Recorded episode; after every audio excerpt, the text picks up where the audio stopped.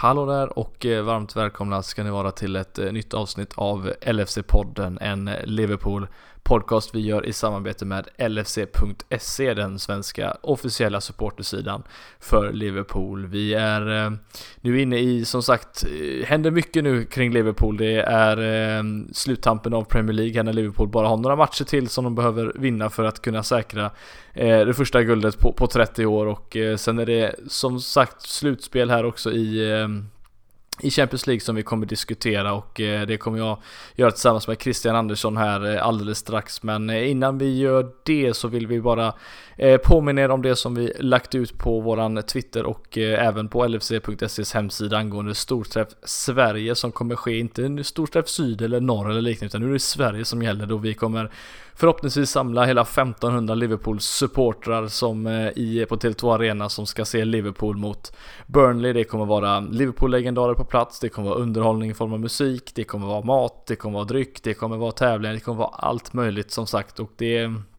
vill man absolut inte gå in och missa. Så att följer ni oss på Twitter att LSC-podden så kan ni gå in via våran länk som vi har lagt upp där eller så går ni in på lsc.se och eh, se till att ni bokar upp er eh, ganska snart för det här kommer gå åt biljetter kan jag lova er så att eh, gör det i tid så att ni kan säkra eran plats.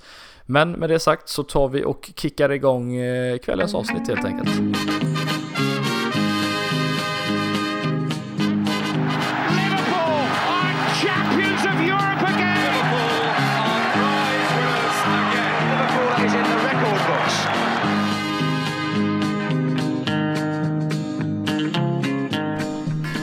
Yes, då är vi tillbaka med ett eh, nytt avsnitt av eh, LFC-podden och eh, nu börjar det som sagt eh, dra ihop sig ordentligt här eh, i slutracet inför Ja, egentligen slutspurten av Premier League och eh, vi kommer komma in eh, i sluttampen här av Champions League inom kort också. Det känns som att det däremot är mycket närmare slutet av Premier League än Champions League med tanke på vart vi är. Men eh, det ska vi som sagt prata om i det här avsnittet och eh, idag har jag med mig Christian Andersson som sitter på andra sidan och vi kan väl säga så här Krille att det är inte jättemånga vinster som behövs nu för att vinna ligan. Hur, eh, hur känns det? Nej, det, vi har väl någonstans haft känsla av att det ska vara, ha varit klart en längre tid. Men det är ju aldrig klart innan det är matematiskt klart. Men eh, i och med eh, hur det gick idag i Manchester Derbyt så eh, känns det fan i mig som att det liksom inte går på något sätt att eh, fucka upp någonting. Det har väl kanske inte känts på ett tag men just att City förlorar den matchen så att det nu krävs två vinster för Liverpool för att ta in titeln. Liksom det är, nej, den känslan är jäkligt skön. Det, jag, jag har ingen tvekan på att vi skulle göra det ändå, men eh, ju mer City bara tappar, desto skönare är det ju. Ju tidigare vi kan säkra en titel, desto mer fokus kan vi förhoppningsvis lägga på ett vidare Champions League-spel som vi kommer prata om också. Så att, mm. Eh, det är bara positiviteter. Ja, nej men precis. Vi, vi, kan väl säga det att vi, vi ska ju prata om Bournemouth-matchen som i det här fallet då spelades innan eh, dagens match mellan United och City som vi, eh, vi spelade in här söndag kväll och eh, men vi, det är ju som sagt oundvikligt att, att inte prata om det Krille. Som sagt, du, du nämnde det. Vi, de åkte på stryk idag med 1-0. 2-0, förlåt mig. Eh, I slutminuten där gjorde ju faktiskt United ett, ett andra mål men och nu har de förlorat mer matcher än vad Arsenal gjort den här säsongen Manchester City vilket är man inte trodde ens skulle vara möjligt efter vad vi eh, hade liksom emot oss förra säsongen och liknande. Så har ju vi hållit kvar den, den kvaliteten och stabiliteten och de har lyckats på något sätt fumla bort allt av vad det har nu, nu att göra med stabilitet. Och nu står vi här som sagt två vinster ifrån och det det finns ju flera sätt kan man säga Krille här. Vi, vi ska ta detta lite kort bara hur, hur vi kan vinna detta och det är ju så att eh, Manchester City då kommer möta Arsenal och de har Burnley kvar, eh, eller de kommande två matcherna och eh, förlorar de båda de två matcherna då får vi en eh, Guard of Honor på, på Goodison vilket är också en ganska intressant tanke om man säger så. Men de kan också mm. förlora en av de eh, två kommande och då kan vi vinna eh, mot eh, Everton istället då och, och vinna ligan i den matchen vilket eh, jag föredrar personligen, jag vet inte vad du själv tycker men den känns ju lite mer nervkittlande. Ja, alltså skulle vi ha den möjligheten att vinna på Goodison så är det ju grymt just för att det är ett derby. Men får jag någonstans önska så uh, vill jag ju att vi vinner den på Anfield just för att det är hemmaarena mm. liksom. Och sen vilken match det skulle vara. Man kan ju prata om det här med att vi ska över podden away och det. Beroende på det jäkla coronaviruset dock. Det får man ju någonstans uh, sätta i en parentes där att vi vet ju inte hur saker och ting eskalerar kring det. Men om vi leker med tanken att vi kommer komma över så vore det häftigt att se det på plats. Men mm. kom, skulle vi kunna säkra det tidigare så gör det mig ingenting om vi redan är klara när vi är över. Utan det handlar mest om att får jag får jag välja så är det på Anfield men vinner vi det på Goodison av den anledningen att City tappar poäng mot Arsenal och så vidare så eh, alltså, det är bara att tacka och ta emot och köra och så eh, kan vi fortsätta fira vilket vi väl har gjort det här ett tag känner jag. Mm, ja precis. Ja nej, det, det, har ju varit lite något jag varit med som vi pratade om innan vi körde igång något jag varit med och poddat på ett tag men under den perioden så har jag ju då haft, ja, inte vad man ska säga, turen eller oturen beroende på hur, hur roligt det är att podda när man förlorar och så. Men jag har inte varit med och pratat så mycket podd när det har varit förlusten utan eh, nu är jag tillbaka istället efter, med vinst. Det låter lite som en glory hunter här men det, det är jag faktiskt inte, det kan jag lova. De som vet, har ju, vet ju att jag har varit med redan från början när det såg riktigt illa ut. Men, eh, eh eller ja, riktigt illa, 13-14 Krille var inte så jättedåligt visserligen. Men eh, det, det därefter kanske vi ska, ska påpeka snarare. eh, men eh, som sagt, Bournemouth eh, var ju matchen som vi eh, Egentligen bara enkelt så säga så här, jobbet skulle göras eller vad, vad, säger du? Det var egentligen en sån känsla inför den matchen. Ja, alltså känslan eh, var ju att gå ut och straffa dem för de förlusterna vi har dragit på oss nu det senaste i olika turneringar och sen då såklart att på något sätt eh, straffa dem för att vi vill hitta tillbaka till formen. Så det var ju egentligen slagpåse nu. Bournemouth hemma på Anfield. Eh, perfekt tillfälle egentligen att gå ut och köra en catch-up-effekt. Vinna med flera bollar och känna att vi var på på den inslagna vägen. Nu blev kanske inte matchen riktigt så, men eh, tre poäng fick vi i alla fall och det är det viktiga. Sen, sen kan man diskutera alla, allt annat runt omkring givetvis, vilket vi kommer göra. Så mm. eh, det blev inte riktigt som jag hade hoppats i alla fall. Nej. nej det, Även det om ju... tre poängen såklart ja, var viktiga. Jo precis, det var ju det du hoppades på, det vet vi alla. Eh, nej men det, det, var ju lite snack där på förhand Krille, vi, man satt där, eh, det var väl egentligen dagen innan tror jag på Klopps presskonferens. Han, eh, han satt och pratade om, eh, om att Allison som sagt dragit på sig en, en, eh, en muskelskada som gör att han definitivt missade, skulle missa Bournemouth-matchen. Men även Atletico-matchen som vi ska snacka upp här som spelas på eh, onsdag. Och eh, det betyder ju såklart att Adrian kommer in i mål som hade det lite tuffare eh, mot, eh, mot Chelsea i FA-cupen senast. Men eh, har ju trots allt i ligaspelet åtminstone gjort det väldigt bra. Vunnit eh, väldigt många matcher. Det var väl egentligen 11 raka matcher han har vunnit här nu. Men, men vad säger det egentligen för, för, laget när man kommer in i den här matchen? Att nu vill man studsa tillbaka och så är en, den bästa spelaren kanske, eller ja, den bästa målvakten åtminstone, eh, inte med. Hur, hur tror du det påverkar laget som ville studsa tillbaka? Ja, alltså det är ett avbräck som att Alisson är världens bästa målvakt. Har du liksom eh, världens bästa målvakt med stolparna så inger det ju en trygghet till hela laget. Men Samtidigt har jag väl känt att det inte egentligen på målvaktsposten som problemet har varit eh, tidigare utan det är ju någonstans att eh, defensiven högre upp i banan på mittfältet kan man ju börja med liksom att det har inte riktigt funkat där så min känsla var ju att Adrian ska ju inte egentligen heller komma in och behöva vara den svaga länken utan löser vi det längre upp i planen så skulle det inte vara något problem för honom. Eh, så att eh, ett avbräck är det såklart med Alisson och särskilt då när vi kommer komma in i Champions League här sen men eh, just med Bournemouth så kände jag väl inte att det var en större eh, fara att Adrian stod istället för Alisson. Nej, Nej det, var, det, det var ju som sagt snackisen också som man eh, redan ja, visste om kan man väl säga redan då, eh, dagen innan match. Men det eh, kom ju också upp uppgifter om att eh, Robertson eh, inte tränat och eh, skulle missa också matchen mot Bournemouth men ser ut nu att vara tillbaka tillsammans med Henderson faktiskt mot Atletico vilket är ett, ett stort eh, styrkebesked såklart. Men eh, in kommer eh, James Milner som jag personligen nästan måste säga har jag har varit väldigt besviken på den här säsongen. Han visst, han har inte fått så kontinuerligt med speltid och kanske fått eh, spela precis som han gjorde förra säsongen. Men det känns som att han inte riktigt kommit in i, i, i matcherna riktigt och eh, haft den, den farten och, ja farten farten, men han har inte riktigt haft det tempot kanske man ska säga som han visade förra säsongen. Eh, nu är det bara ett års mellanrum vi kanske pratar här men eh, är, är, det liksom slutet på minner om vi bara pratar rent hur or orken den här som vi har pratat om tidigare. Nu vet jag att vi kommer komma in på honom och vad han gjorde i, i matchen mot Bournemouth men just den här energin och eh, orken att, att spela 90 minuter som, som det inte verkar som att Miller har eh, längre eller är det bara ett, eh, att Klopp helt enkelt tror på de andra spelarna just nu? det är nog en mix där att Klopp såklart tror på de andra spelarna. Sen eh, givetvis eh, Milner börjar komma till åren vad det gäller liksom en fotbollskarriär. Han är en, han är väl 86 tror jag, precis som jag, så mm. är det ju 34. Han är gamla nu vet du. Det... Ja, jag är lite poddens Milner känner jag. Alltid stabil. Är du lika liksom... vältränad? Nej, det skulle jag inte säga. Jag har sett säga. dig bara överkropp, jag skulle inte säga det Krille. Det... Nej, jag har varit på gymmet som fasen nu senast och sprungit här, men jag vet inte om det hjälper faktiskt. Jag försöker och försöker, men man kommer väl till den här äh, punkten där man bara, nej det spelar inte så mycket roll längre, utan eh, gäller bara att hålla en viss nivå, mm. precis som Milner då. Nej, ja, men precis. skämt åsido, jag tycker väl liksom att ja, tempot börjar väl eh, fattas honom lite och så vidare. Sen tror jag att han alltid kommer orka så. Men det handlar väl helt enkelt om att eh, kroppen liksom säger kanske ifrån. Även om han är vältränad som fasen så man kommer till en punkt kanske där det börjar gå lite mer sakta och så. Men sen har inte han varit lika involverad i matcher heller som han kanske var förra säsongen. Utan det handlar ju också om matchtempo och att vara i det också. Sen den ledaren och den typen av person han är i laget, omklädningsrummet, på planen. Där är han ju eh, guld värd. Så att jag menar Tänker man också guld värt så var ju han också där på, i slutet och, och eller i, i, matchen och mm. räddade liksom på mållinjen och det är ju typiskt Milner-insats så att eh, han är klart godkänd. Han sticker väl kanske inte ut förutom med den insatsen då han räddar oss men annars så gör han alltid ett gott jobb och det är ju det man får någonstans komma ihåg Milner sen eh, att han går och vinner Premier League med Liverpool eh, och att han eh, kommer vara en av de där ja, ledarfigurerna man kommer komma ihåg och alltid kommer referera till när man pratar om den karaktären likt Henderson så Milner ligger högt på min lista över just fotbollskaraktärer som man tycker är viktiga för ett lag så insatsen var god men kanske inte så mycket mer förutom då det han gjorde. Mm.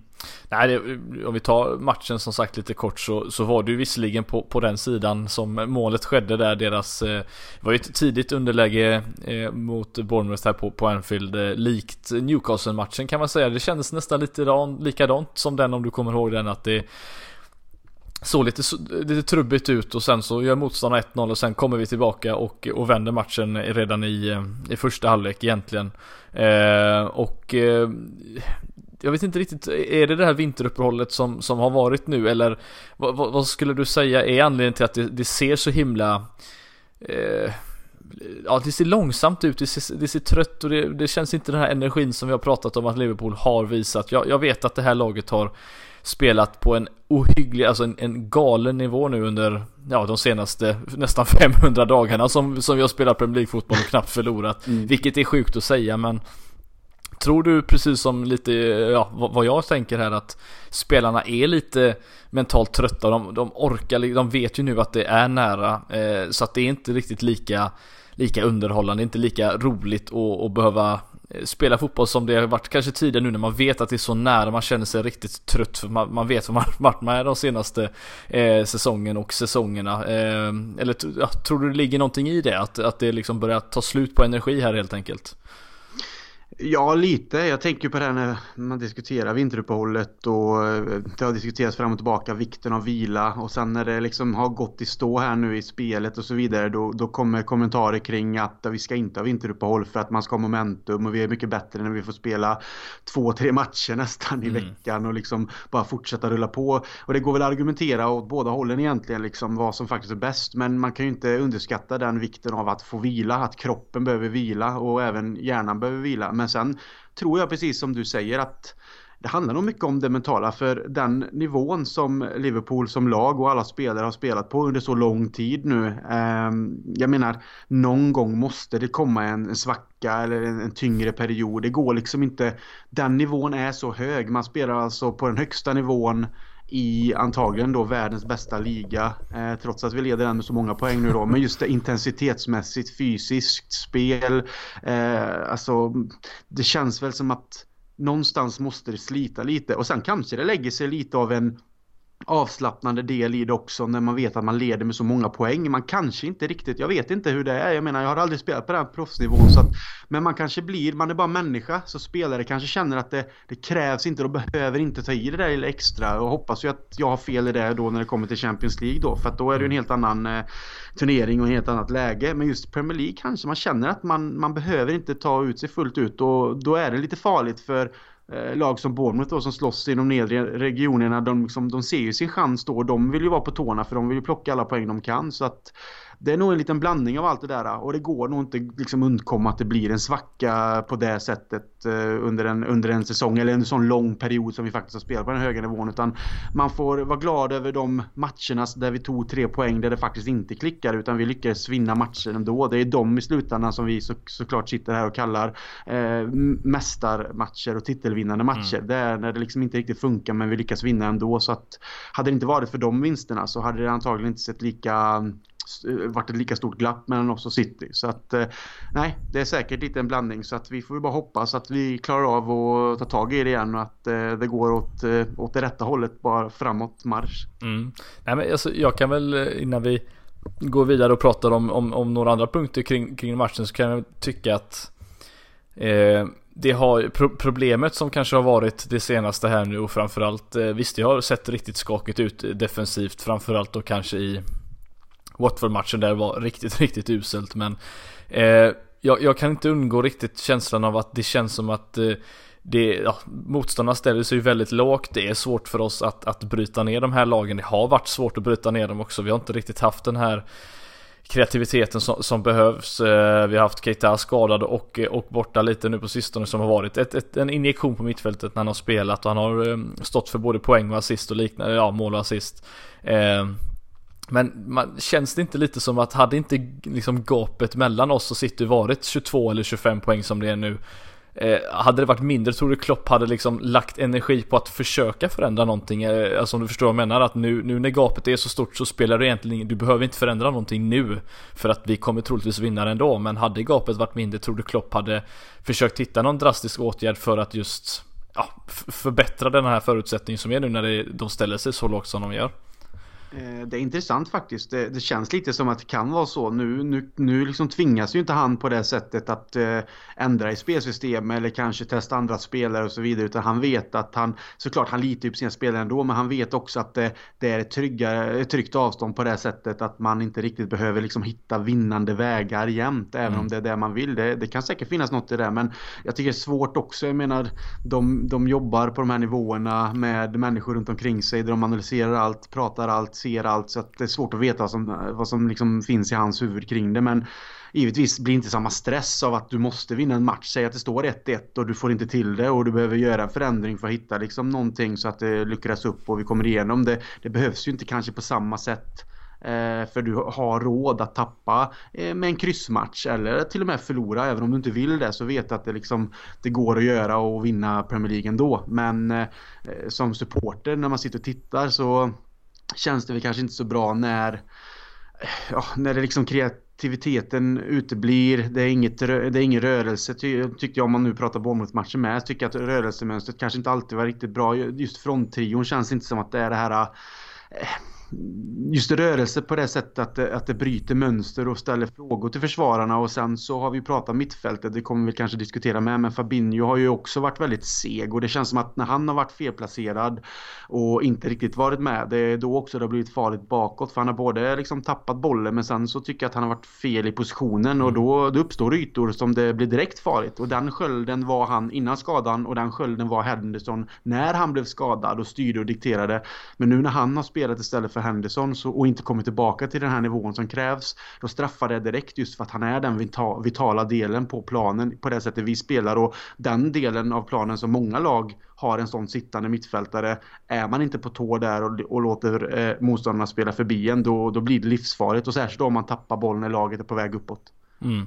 Nej men precis, nej men det är som sagt vi ska inte, vi ska inte, det, det är mest en en liten en, frågor som man ställer sig här nu med tanke på att, det har, att vi har fått in så många poäng vi har gjort men det ser ändå inte spelmässigt så bra ut. Då börjar man ju fundera lite men jag tror väl som sagt att det har någonting med det att göra att, att det, det, det, har, det, det ser så bra ut som det gör just nu att det finns ingen anledning att försöka förändra just nu. Det kanske vi ser en en, en förändring till, till början på nästa säsong där eh, man ser ju att lag har försökt att hitta ett sätt att spela. Jag kan tycka att alla de senaste lagen, de fem senaste lagen har har nästan spelat likadant mot oss, eh, vilket är ett tecken på att de eh, kanske har hittat ett sätt som, som kanske fungerar mot oss just nu, även om det inte innebär att vi förlorar rent av, men eh, de gör det svårare för oss helt enkelt men då finns, då behöver man ju några spelare Krille som kan även då bryta de här mönstren. Vi har ju två stycken som gjorde det väldigt bra här nu i, i efter det där ja, första insläppta målet mot, eh, mot Bournemouth där och eh, Salah som nu då i sin hundrade match gör sitt 70 Premier League mål och eh,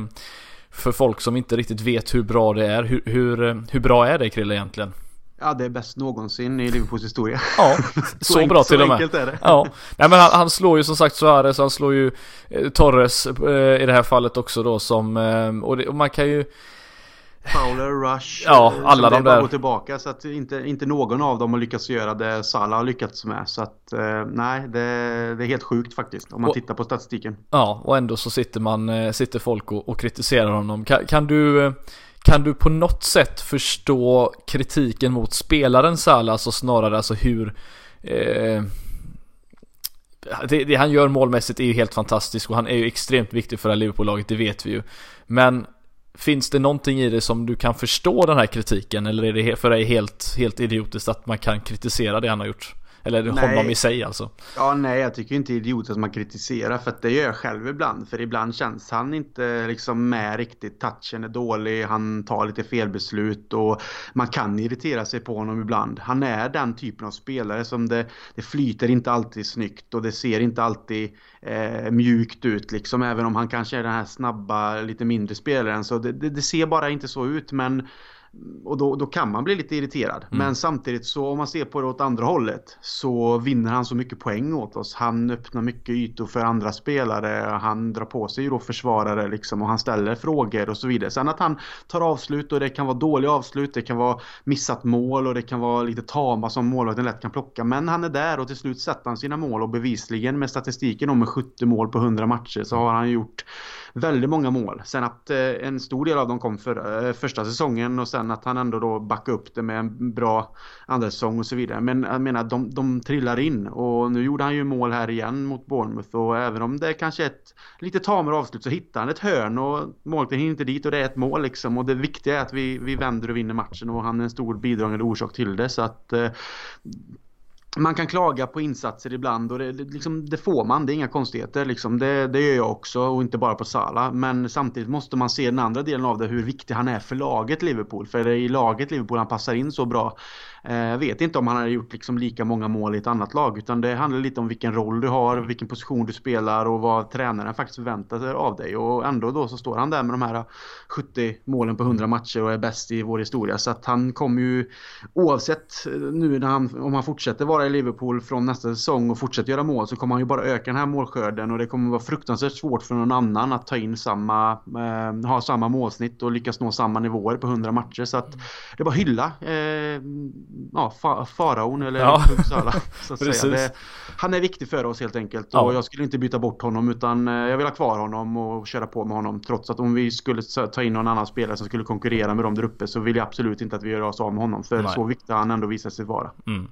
Nej men han, han, är ju en, han är ju en helt makalöst bra spelare när han, när han är som bäst såklart också. Sen, sen är det just det här med kritiken som han har fått det är ju att han som du nämnde, det ser väldigt trubbigt ut ibland för att vara en så bra spelare och han eh, som slarvar väldigt mycket i vissa delar får iväg. Jag tänker ju framförallt på första säsongen där målet mot Roma i, i eh, Champions League på Anfield Han sätter den i bortre krysset och eh, han gjorde ju några sådana mål den säsongen Både mot Everton i ligan som blev Puskas-vinnare och han gjorde det mot mm. Southampton även i en match innan van Dijk anslöt till oss också. Han dunkade eh, mot Chelsea där sen om det var andra säsongen Ja precis skottet, att... och, och, det är ju det att han, han, står för dem Han stod ju för dem då och sen året senare så gjorde han det där Chelsea-målet Men det känns som att det ibland är det inte riktigt touchen riktigt med honom och han, han tar fel beslut ibland. Men det, är, men det är ändå så att det är ju det man får i honom. Man kan inte få en perfekt, alla kan inte vara en Lionel Messi som är perfekt, nej, nej. tar de bästa besluten i alla situationer.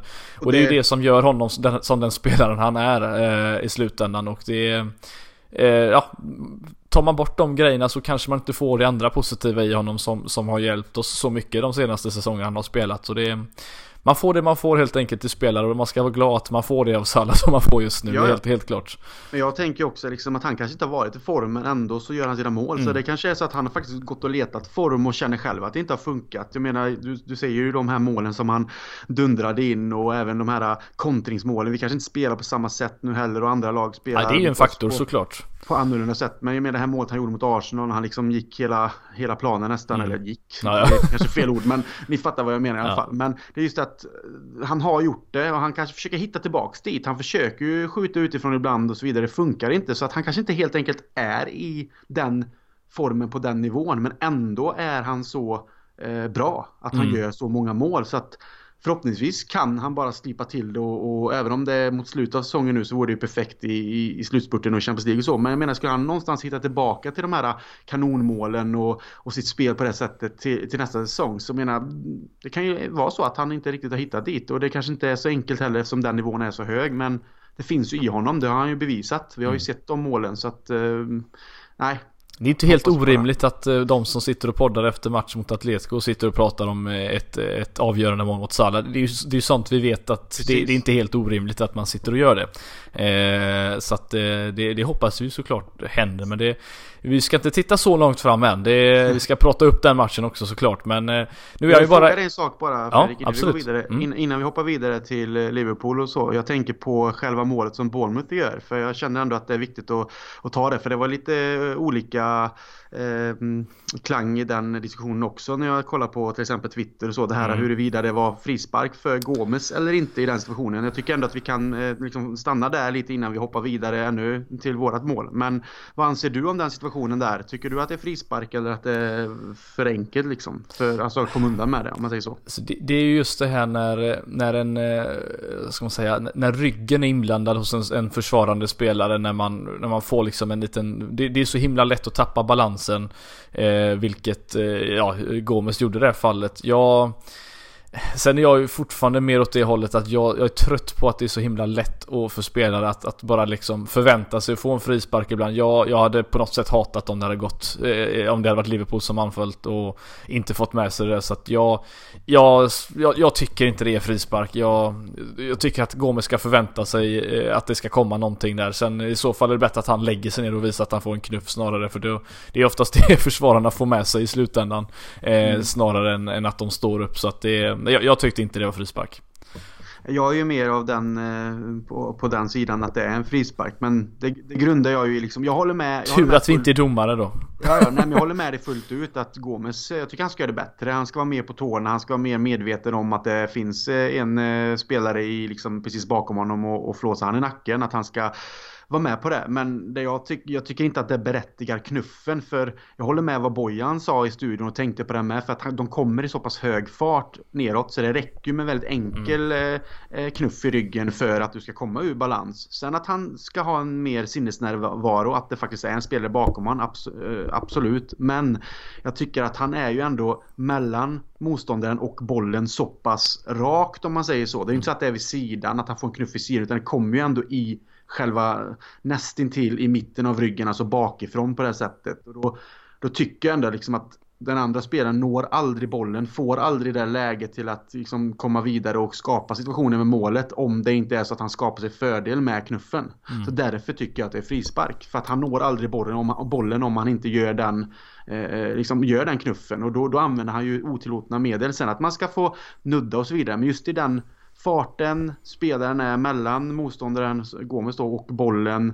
Eh, han liksom har ändå någonstans känns det som en liten koll på det. Sen kan man diskutera Gomes att han borde vara kanske mer som sagt eh, eh, med på det helt enkelt. Men jag tycker liksom att ja, liksom den knuffen skapar hela situationen. Hade han inte använt det så hade aldrig den situationen uppstått. Nej. Utan då hade antagligen Gomes liksom spelat hem den eller spelat ut bollen. Mm, så, men det är ändå det är intressant att ta upp tänkte jag. Liksom. Ja, ja, absolut. Nej men det, det har ju varit några sådana situationer i säsongen. Eh, som vi, vi, har ju pratat om att vi För oss har det väl varit plus minus noll mer eller mindre. Vi har, har varken Vi har inte gynnats eller förlorat någonting på, på VAR kanske den här säsongen. Om jag har förstått det rätt när man har gjort de här uträkningarna. Det finns vi andra lag som exempelvis United som har haft eh, rätt många mål emot sig eh, tillbakatagna, det vill säga på grund av VAR. Och det sån tur har vi inte riktigt haft i majoriteten av, av den här säsongen. Men eh, nej, det var ju... handlar ju mer om att domaren borde sett det direkt. Ja, bara, precis. Alltså, ja. Så, ja, så det, det, det är dåligt eh, av agerande av domaren tycker jag. Mm.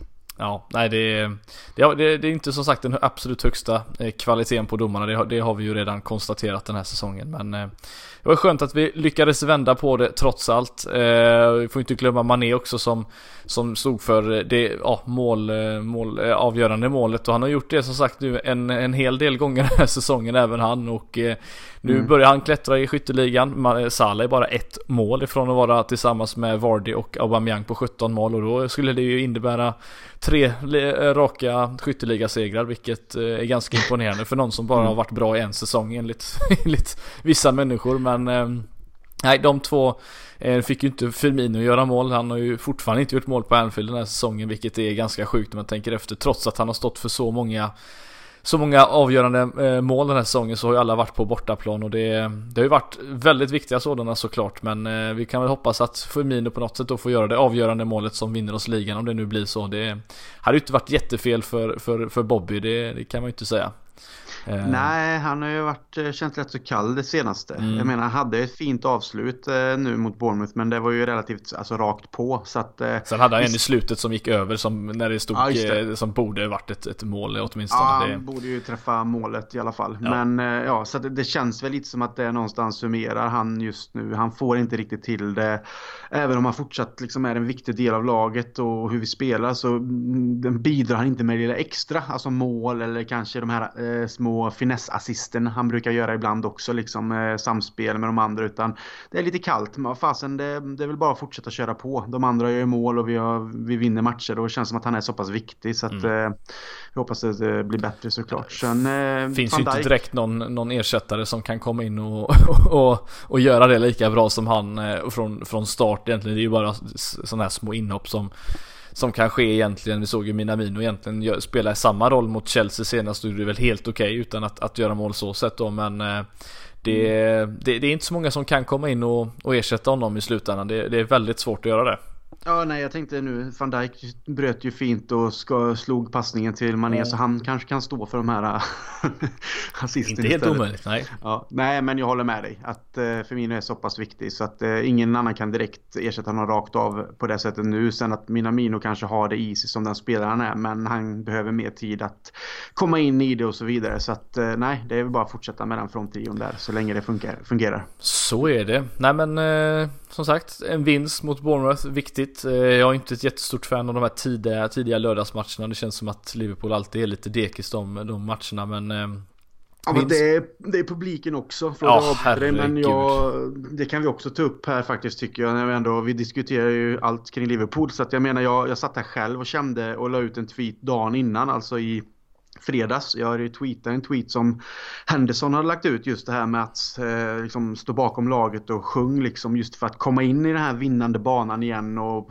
på något sätt liksom höja hela prestationen och, och, och få med hela självkänslan och självförtroendet och att det smittar av sig och så vidare. Så jag, jag har ju tweetat och skrev också här liksom att gör detta nu liksom. Se till att det sjungs från läktarna och visa att vi, vi liksom ska inte ge oss. Bara för att vi har liksom gått igenom en lite tuffare period nu när det, mm, ja, en liten period kan vi inte kalla det, men några matcher där det inte har fungerat. Vi har förlorat, tappat poäng utan på något sätt att eh, använda krisstämpeln som det har funnits och så vidare. Och vi brukar skoja om det i alla fall. Danne Forsell brukar ha sin krisstämpel, eh, ironi på på Twitter. Men i alla fall så då, då, skrev jag också det liksom. Men sen såklart då tidig kickoff. Eh, jag vet själv från egen erfarenhet från tiden i England att det är en sömnig tid att starta match och det brukar tyvärr vara både spelmässigt och från läktarna. Men någonstans förvånar det mig lite att när man är i det här läget att man vill komma tillbaka till att vinna en match i Premier League. Man är i slutspurten. Visst, vi leder med många poäng, men är det inte nu vi ska sjunga som fan, fira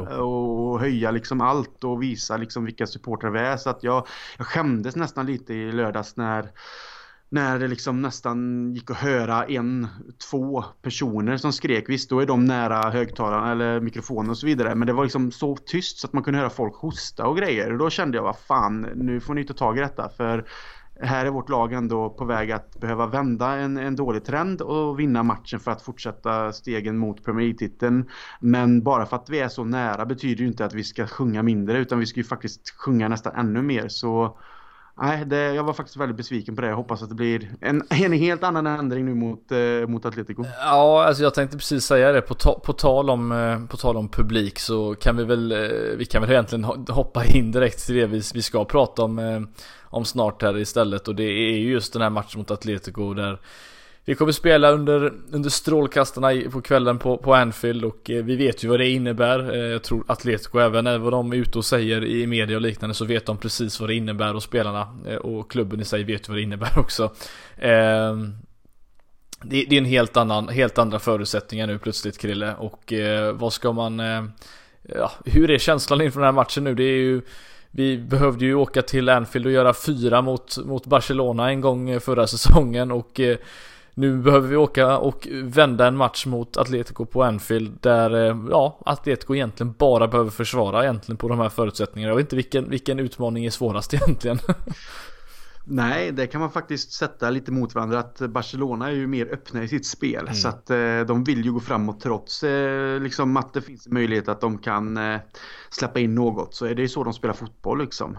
Men Atletico Madrid känns ju mer som att det är backar man hem, stänger igen och så hoppas man att man ligger på rulle och får in en kontring kanske. Men eh, med det sagt så har de ju skickliga fotbollsspelare så de kan ju spela fotboll också. Det är ju inte på något sätt en, en, en Mourinho-buss liksom utan det känns som att det är lite mer det är organiserat och taktiskt eh, smart men det känns som att de har väldigt många spelskickliga spelare men jag känner väl att eh, förlusten med 1-0 nere i Madrid oroar mig inte på det sättet. Det var värre om de fått in ett mål till liksom. Men 1-0 och sen Anfield i ryggen då förhoppningsvis såklart. Det brukade vara Champions League-kvällar.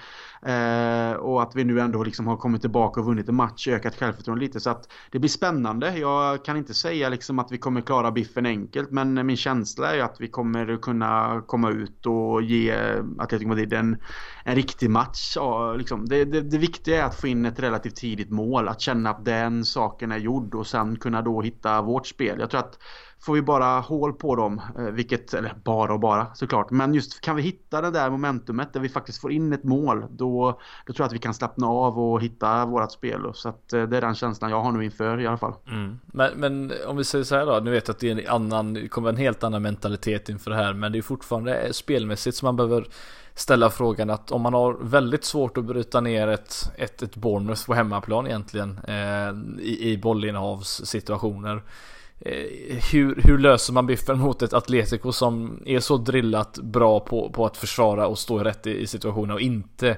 eh, ta några chansbollar och liknande och hur, hur gör man en sån grej egentligen? Alltså det, det är svårt att svara på. Hade Klopp haft svaret så hade han ju löst det direkt ganska enkelt den här matchen men hur skulle du se det? Vad, vad, vad, behöver göras? Jag var ju väldigt tydlig inför matchen mot Barcelona som jag satt och pratade upp förra säsongen att alltså det, det, som räcker är bara ett tidigt mål. Sen kommer Barca ha jätteproblem att försvara mot oss resten av matchen för då har vi börjat göra ett tidigt mål.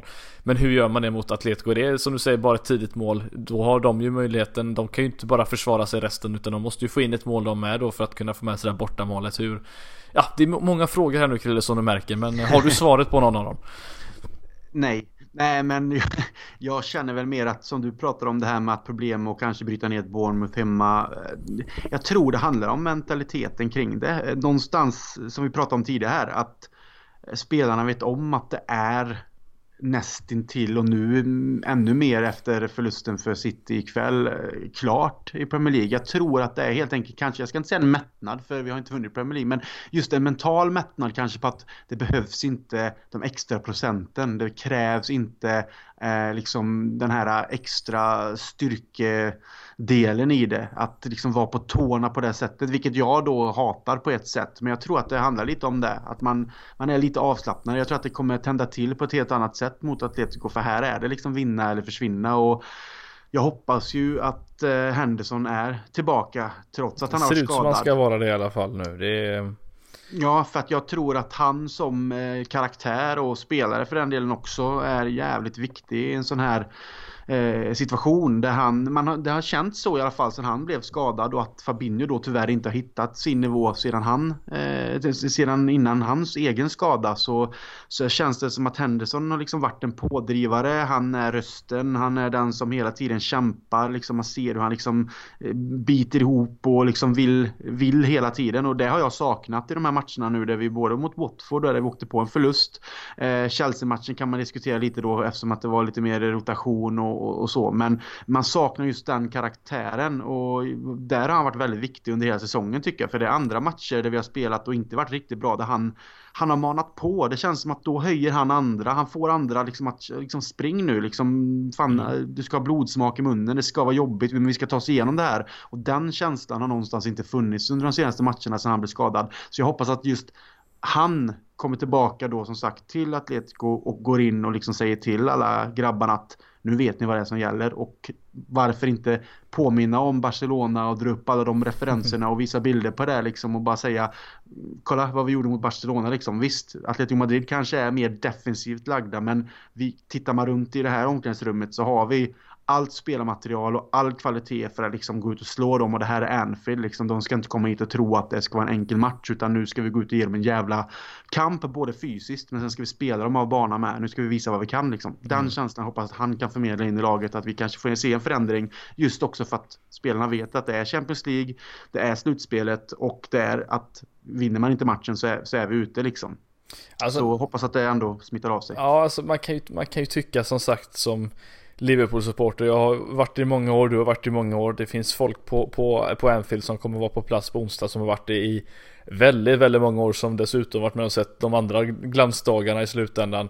De om några måste ju också veta om att det, det, det ska, det, folket i Liverpool är inte bara nöjda med att gå och vinna ligan eh, nu som de har väntat på väldigt länge utan nu handlar det om att och egentligen som sagt få gjort det så snabbt som möjligt att vinna den men såklart att vinna en, en till Champions League-buckla för att det är ju visar verkligen vart skåpet ska, ska stå om man lyckas göra det på något sätt. Det är ju, hade ju varit en helt makalös bedrift egentligen att lyckas göra det och det, det är inte helt orimligt att, att det sker om vi som sagt bara får får igång den här energin och formen igen som, som vi visade i början av säsongen och höstas där. Så nej, det, det ska bli intressant att se matchen mot Krille mot, Krille mot Atletico för att jag jag tror det kommer bli en, en extremt tuff match. Det förväntar mig absolut mm. ingenting annat. Men det ska bli kul att se hur, hur spelarna eh, lyckas studsa tillbaka här mot, eh, mot ett sånt motstånd och på Anfield framförallt då med fansen i, i ryggen också. Och jag jag vet inte riktigt vad jag förväntar mig spelmässigt eller vilka som ska spela men Henderson om han är tillbaka så hade det varit eh, klockrent. Hur, eh, hur ser du att Klopp bör ställa upp, eh,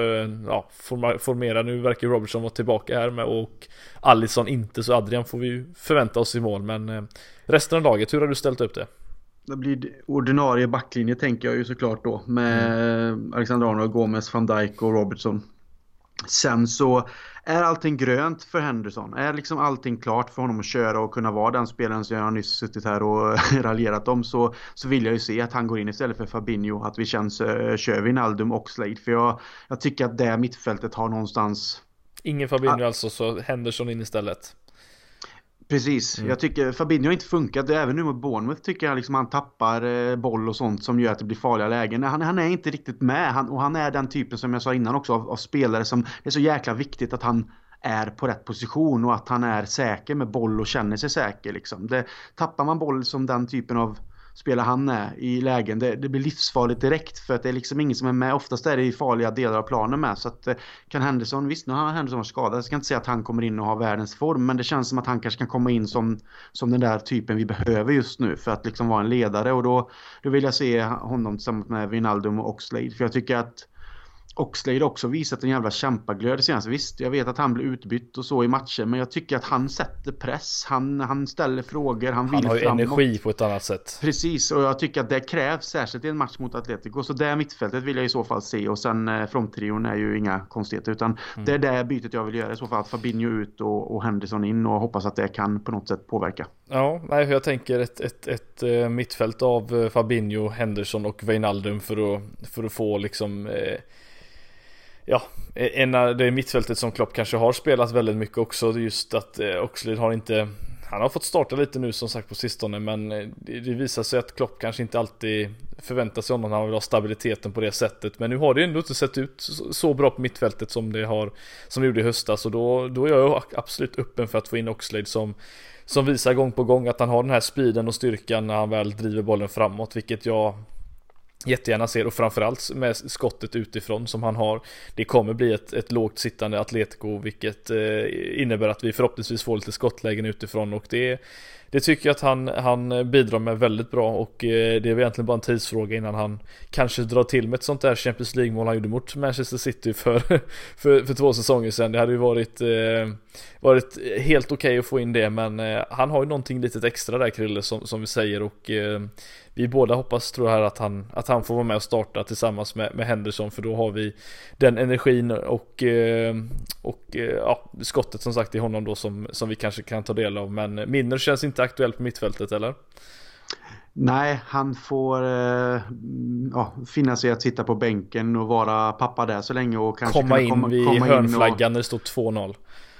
ja, precis. Nej, men ja, leder vi på det sättet om det skulle vara så att det krävs liksom att man försvarar lite för att, eh, ja, för den delens skull, eftersom det är ett bortamål ett bortamål så mm. han kan ju vara den personen som, eller spelartypen som kommer in och hjälper till när det krävs att man fortfarande kanske springer och, och blöder lite för tröjan. Så nej, Minne får gå ut och så hoppas jag på det laget som vi precis har sagt här, för vi verkar vara ense om hela, hela elvan. Mm, nej, det, det verkar så. Det är inte alltid vi är det Krille va? Det känns som att vi nej. har när det gäller, ja, när det gäller domarsituationer har vi det absolut inte. Nej, men vi är lite olika ibland men ja. här känns det som att vi kanske någonstans eh, faller in på samma känsla av balans på mittfältet men samtidigt mycket energi eftersom att vi ändå ligger under med 1-0 så krävs det att vi, vi startar matchen och rivstartar den på det sättet med ett mittfält som vill framåt och, och behöver få hål på Atletico. Sen att man inte ska på något sätt öppna sig bakåt såklart men någonstans måste vi ändå framåt och då, då krävs det ändå energi på mittfältet och det tror jag att vi kan få in med i alla fall Henderson med den speltypen han är och Oxlade så som han ändå visat sig i de senaste matcherna att han, han vill jävligt mycket och det tycker att man kan vinna mycket på också. Mm. Och om du eh, ska förklara för mig och, alla lyssnare här nu hur, matchen slutar. Eh, lite, eh, lite beskrivning, inte bara resultat utan även hur du, hur du ser framför dig hur matchen kommer att utspela sig och liknande. Vem, vem blir den stora hjälten? Om det blir någon. Ja, alltså Atletico då som är det här defensiva laget som du säger. Jag tror att vi, vi, vi, vi kämpar på i början med bra tempo och någonstans känner att vi, vi börjar matchen bra och hittar ändå våra vägar men får inte riktigt till det att få det här målet direkt som vi vill ha. Men eh, en bit in på första halvlek så känner jag att vi får en hörna och då är van Dijk den som går upp och nickar, nickar in det här 1-1 eh, målet som så gärna, gärna behövs liksom direkt och fort då. Men någonstans i mitten på första halvlek så lyckas han nicka in 1-1. Och sen så blir det liksom en sån här jobbig match där man sitter och sliter sitt hår och hjärtat hoppar ur kroppen och man hinkar några bärs för att lugna sig kanske. Men sen så slutar det ändå med andra halvlek att när det är ungefär en kvart, 20 minuter kvar där så... Kommer Lovren in, och, och avgör? Då hittar vi det här eh, kombinationsspelet med Oxlade som spelar till upp eh, till en eh, Sala som liksom står med ryggen då mot försvararen, möter bollen, spelar en, ett, ett väggspel direkt och Chamberlain tar med det på en touch förbi en försvarare och så trycker han upp den i, i ett kryss bara. Så att det blir 2-1 till Liverpool och ja, sen så är det lite nervigt i slutet som vanligt men vi vinner med 2-1 och tar oss vidare helt enkelt på det sättet. Vi håller nollan och så gör vi det på ett så, sånt sätt som jag precis har beskrivit. Det har varit underbart. Du vill ha det så tufft alltså? Vill och vill, men den känslan Du tror det i alla fall? Gör vi fyra, fem mål första halvlek så tar jag ju det. Men eh, den känslan just när man ser det framför sig, det är det här, det är lite the Liverpool way att göra det på det sättet och det skapar känslor som man lever på i evigheter. Mm. Ja, jag, jag, tror ju personligen, eh, om jag får avsluta med, med mitt tipp här, att eh, jag tror inte vi håller nollan. Utan jag tror att vi gör 1-0 i första halvlek, eh, sen kommer Atletico komma tillbaka och göra ett 1-1 ett, ett, ett, mål i början av andra halvlek vilket gör att det kommer kännas lite tufft och eh, men sen så kommer faktiskt eh, Firmino att, lösa biffen med två stycken mål vilket gör att vi vinner matchen med 3-1 till och med. Eh... Det mest heta ifrån, eller förlåt, iskalla ifrån trion blir oh. den mest heta helt plötsligt. Ja, det Han går från is till eld. Det är liksom. exakt så det är. Eh, ja. Det vet vi med honom att det är så det ser ut. Give the ball to Bobby and he will score. det, är, det, det, det, det är min känsla på det hela i alla fall. Jag tror absolut att vi eh, om vi skiter i resultat och, och, hur det kommer se ut. Jag tror fortfarande Krille att vi kommer ta detta. Jag tror att det, det kommer explodera på Anfield. Det folket kommer visa att nu, nu är det nära att vinna ligan. Nu ska vi visa att vi kan vinna Champions League igen och eh, jag tror att med fansen bakom så kommer vi eh, lyckas vända på den här steken faktiskt. Ja, ja, min känsla säger också det. Så, jag menar, sen säger inte jag att min känsla alltid är rätt, men just det här känns som att vi... Det känns bra helt enkelt. Jag sitter inte orolig, utan det känns som att vi har alla möjligheter i världen att ta oss förbi Atletico och ta oss vidare i Champions League för att slåss om den titeln igen. Mm. Helt klart. Eh, ja, nej men vad säger du Krille? Det känns som att vi har fått med det mesta som sagt efter matchen mot, mot Bournemouth och även då här inför, eh, inför matchen mot eh, Atletico Madrid där som blir den eh, nästa stora match och eh, vi vill ju som sagt också som jag nämnde i introt eh, påminna er om Storträff Sverige som vi la ut eh, nyheter om eh, här ganska nyligen. Eh, Liverpool mot Burnley som spelas den 25 fjärde eh, då dörrarna öppnar klockan 12 till eh, Tele2 Arena där det kommer vara ja, 1500 pers typ blir Krille va? Det är rätt många mm. Liverpool-supportrar, det kommer vara legendarer, det kommer vara tävlingar, det kommer vara gött snack och käk och jag vet inte riktigt hur mycket mer jag behöver säga. Det, det räcker väl att säga att man umgås med 1500 Liverpool-fans. Och ja, några i ju... Liverpool-podden dessutom. Ja, det blir ju utan tvekan den största träffen eh, mm. någonsin. Om, om, om, liksom, om folk anmäler sig och vill vara med på en sån fest så blir det ju det utan eh, problem. Utan når man upp till de siffrorna så det är ju riktigt grymt. Och sen eh, är det väl ändå eh, antagligen eh, representanter från oss där också. Jag vet inte om alla kommer kunna komma eller om det är några stycken. Alla tittar väl på de delarna nu men eh, förhoppningsvis blir det i alla fall en tre, fyra stycken. Och kunna mingla lite med supportrar och lyssnare och dricka lite öl och titta på Liverpool som med stor sannolikhet är, är mästare då. Mm. Skulle man väl kunna säga. Eh, man vet aldrig, man ska inte ta ut det helt i förskott. men eh, det väl, finns väl en eh, stor chans till att vi redan är klara och kan njuta mer av den matchen kanske på ett helt annat sätt och egentligen bara fira. Så att vill man vara med på den festen så kan man gå in på supportklubbens hemsida givetvis och anmäla sig där genom nyheten som finns där. Mm. Och jag tror att det kommer bli en riktig jävla pangfest helt enkelt. Så att, eh, det får man inte missa om man eh, vill vara med på en sådan fest. Nej, Precis, LFC.se på nyheter ligger den som topprubrik och sen så har vi även lagt ut det på våran Twitter, att LFC-podden där ni kan eh, klicka er vidare också om ni hellre går via den sidan. Men ja, Krille, med det sagt så lägger vi ett lock för dagens avsnitt och ja, väntar ivrigt fram till, till onsdag där och matchen mot Atletico Madrid. Får vi se om någon av oss får rätt i våra tippningar men eh, får vi det så good job säger jag bara. Det är ja. mycket väl tippat i så fall.